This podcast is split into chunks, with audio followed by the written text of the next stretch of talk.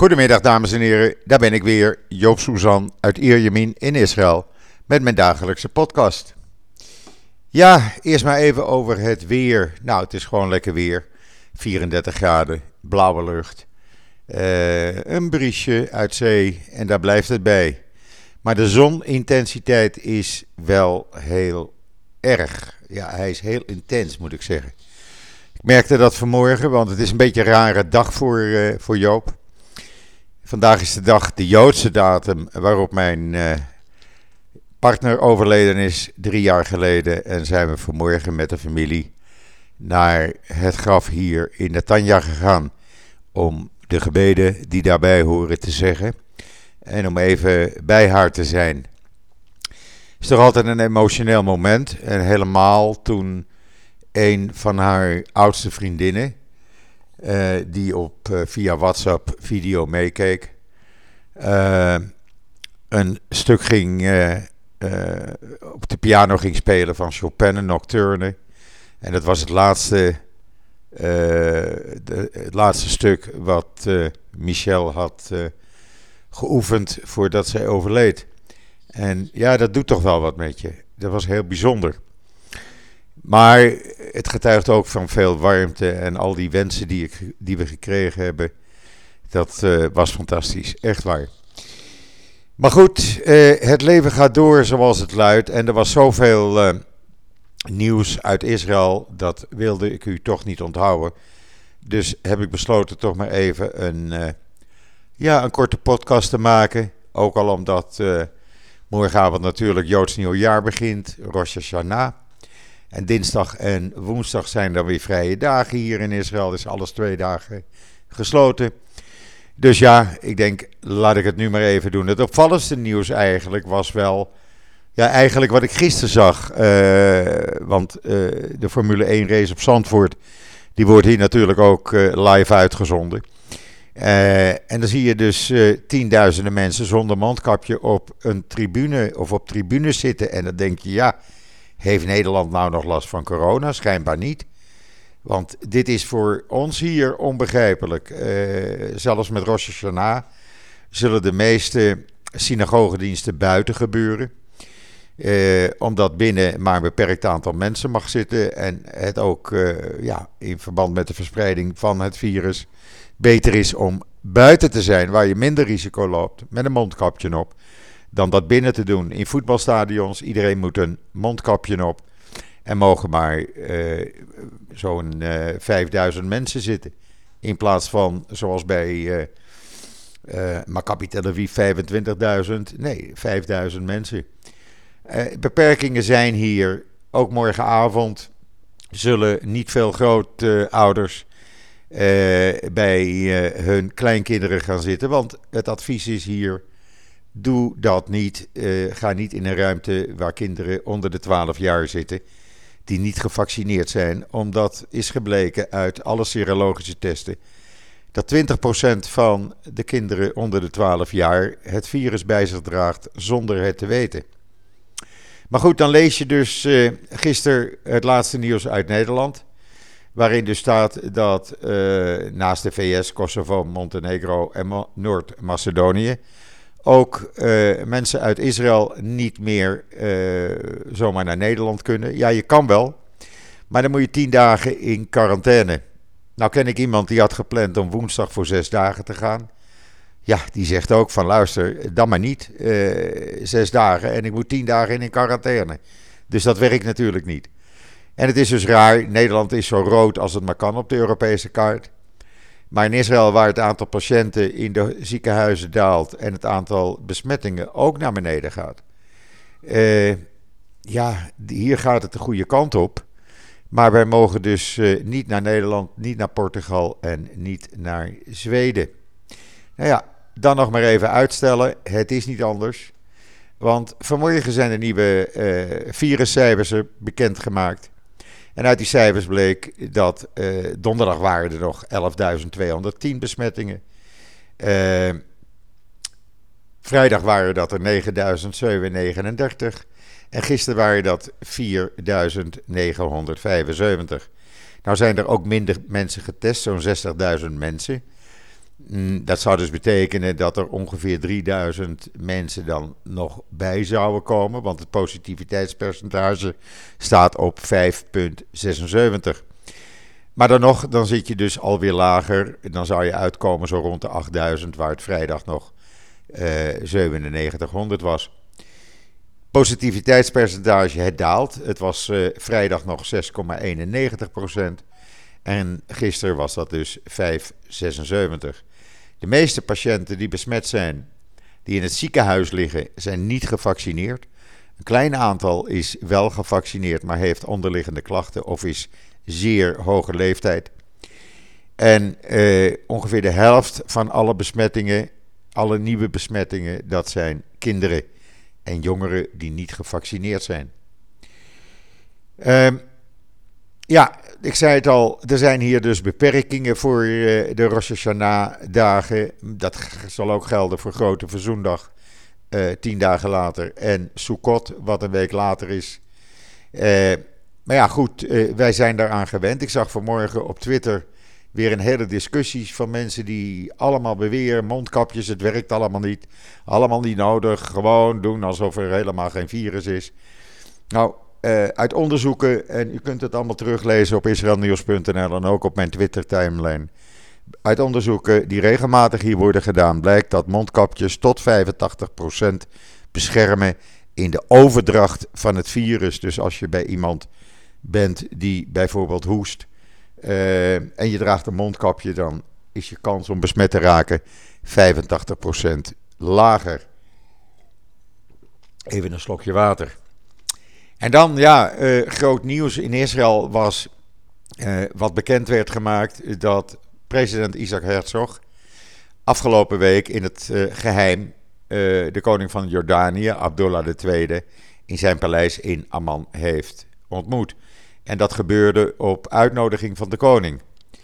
Israël had daar niet om gevraagd, maar Herzog, na overleg met premier Bennett, is hij daar naartoe gegaan en heeft in een, zoals hij zei, warme en vriendschappelijke sfeer een gesprek gehad met de koning, wat binnenkort herhaald zal gaan worden. En dat ging over strategische kwesties, uh, zowel op bilateraal, maar voornamelijk ook regionaal niveau. Uh, Herzog zei daarbij, uh, ja, Jordanië is belangrijk.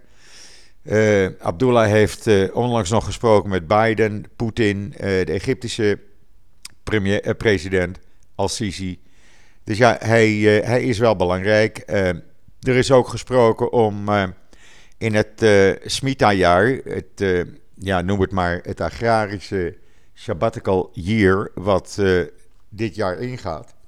Dus elke zeven jaar is er een jaar waarin volgens de Torah de landbouwgrond niet bewerkt moet worden.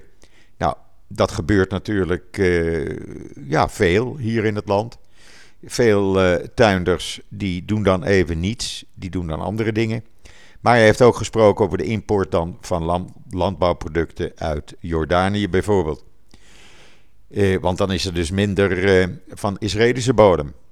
En het is heel goed om het land een jaar rust te geven. Eh, de Torah is daar eh, heel duidelijk over. Het bevordert uh, de vruchtbaarheid van de grond. En uh, ja, het, werd, het wordt al 3000 jaar zo gedaan. Uh, Herzog heeft dus dit bezoek gedaan. Hij heeft gezegd: Ik ga nog meer Arabische landen bezoeken. Ook landen waar we geen diplomatieke betrekkingen mee hebben. Dus ja, uh, ik zou zeggen: laat het maar gaan. Dat gaat de goede kant op. En dan, zoals elk jaar gebruikelijk, de Jewish Agency, het Joods agentschap kwam weer naar buiten met de cijfers over de Joodse bevolking. Nou, er leven wereldwijd 15,2 miljoen Joden, waarvan er 6,6 uh, 6 miljoen 930.000 in Israël, oftewel 45,3% van alle Joden wereldwijd.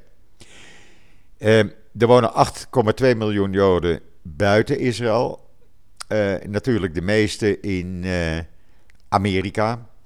En daarna uh, Frankrijk. Uh, in Amerika wonen 6 miljoen Joden ongeveer. Frankrijk 446.000, Canada 393.500, in Engeland 292.000, in Duitsland 118.000, ook in Australië. en in Rusland 150.000. In Nederland, daar wonen volgens de Jewish Agency nog 30.000 Joden. Althans, mensen die zeggen dat ze Joods zijn. Maar er zijn er ook nog uh, landen waar 500 uh, of minder Joden wonen. Dat zijn bijvoorbeeld de Emiraten, Bermuda, uh, Cuba, om maar eens wat te noemen, Albanië, Zuid-Korea, een paar Joden, Kenia, Syrië, Egypte. maar in Turkije wonen bijvoorbeeld 14.500 Joden. In Iran nog 9500. 2000 nog in Marokko en 1000 in Tunesië. Dat zijn toch 27.000 Joden die in Arabische en Islamitische staten wonen. Je kunt het helemaal nalezen met het staatje erbij van, uh, op uh, israelnieuws.nl. Alle details staan daar uh, omschreven. En dan ja, hoopt men op herstel van de verbrande bossen rond Jeruzalem. U weet, een aantal weken geleden waren daar een aantal dagen lang enorme bosbranden. Uh, daar hebben 1500 brandweerlieden en de IDF met blusvliegtuigen gezorgd dat het uiteindelijk uitging. Maar ja, er is natuurlijk enorm veel vernietigd. En dat moet dan opnieuw weer gaan groeien. En men hoopt dat dat in de komende jaren gaat gebeuren. Er zijn al wat positieve tekenen. Eh, ook dit kunt u allemaal nalezen op israelnieuws.nl. Ik zou het maar doen, zeg ik dan. dan hebben Israëlische onderzoekers ontdekt dat bij ouders die roken, bij 70% van de kinderen nicotine in het haar werd gevonden. Eh, dat is natuurlijk veel. Eh, hoe dat kan, nou, dat wordt in die studie op israelnieuws.nl helemaal uitgelegd. Ze namen haarmonsters, testen het nicotinegehalte in laboratoria.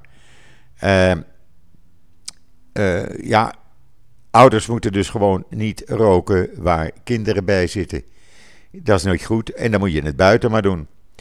Uh, want het kan allerlei uh, negatieve gevolgen hebben voor die kinderen. ook dat staat in het artikel op israelnieuws.nl. Het lijkt mij genoeg voor u om dat even door te nemen. Ja, en dan uh, Max Verstappen natuurlijk hier in Israël gisteren. Verbaasde men zich over het Nederlandse publiek, want men had nog nooit een publiek meegemaakt wat zo enthousiast is. En de reporters raakten er niet over uitgesproken. Ze waren echt door het uh, dolle heen. Ik zal kijken straks of ik daar een filmpje van kan maken als, uh, als het weer begint en als ze zo, nou ik zou zeggen, bijna hysterisch weer uh, aan het verslag, verslag doen. Want het is echt, ja, het, is, het is hysterie ten top. Ze gaan helemaal mee in die, in die sfeer. En dan, ja, ik zei het al eerder, morgenavond begint Rosh Hashanah. En ja, Rosh Hashanah, daar hoor je dus een granaatappel uh, te eten. En dat wordt ook gedaan overal. En waarom? Nou, er zit natuurlijk niet alleen omdat het zo lekker is. Maar er zitten 613 zaadjes in, de 613 gebruiken en wetten die in de Torah staan. Maar men heeft ook onderzoek gedaan naar de gezondheid, wat het met je gezondheid doet, granaatappels. Nou, het is dus heel gezond voor je hart. Uh, het verhardt uh, uh, je slagaders. en dat helpt daardoor de, de, het hart- en vaatziekten te voorkomen. Het drinken van granaatappelsap gedurende een jaar kan ook de bloeddruk verlagen. Ehm, dan, ja, het beschermt ook nog je hersenen volgens studies. Het zorgt voor minder veroudering granaatappels. Uh, nou ja, zo zijn er uh, een heleboel onderzoeken gedaan. Het beschermt je tanden. ze kunnen je zelfs helpen met afvallen.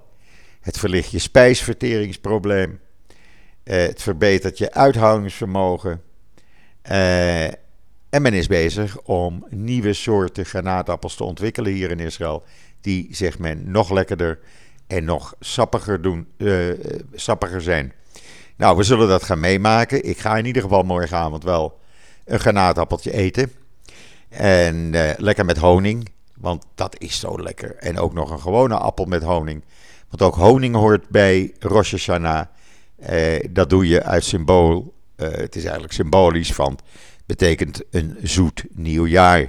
En vandaar dat iedereen toch wel een potje honing nu in huis heeft. Uh, ja, dat zijn zo van die gebruiken die blijven dan en die zullen ook nooit verdwijnen. Lees het allemaal na op israelnieuws.nl. Uh, dan weet u tenminste dat u af en toe eens een granaatappeltje moet eten.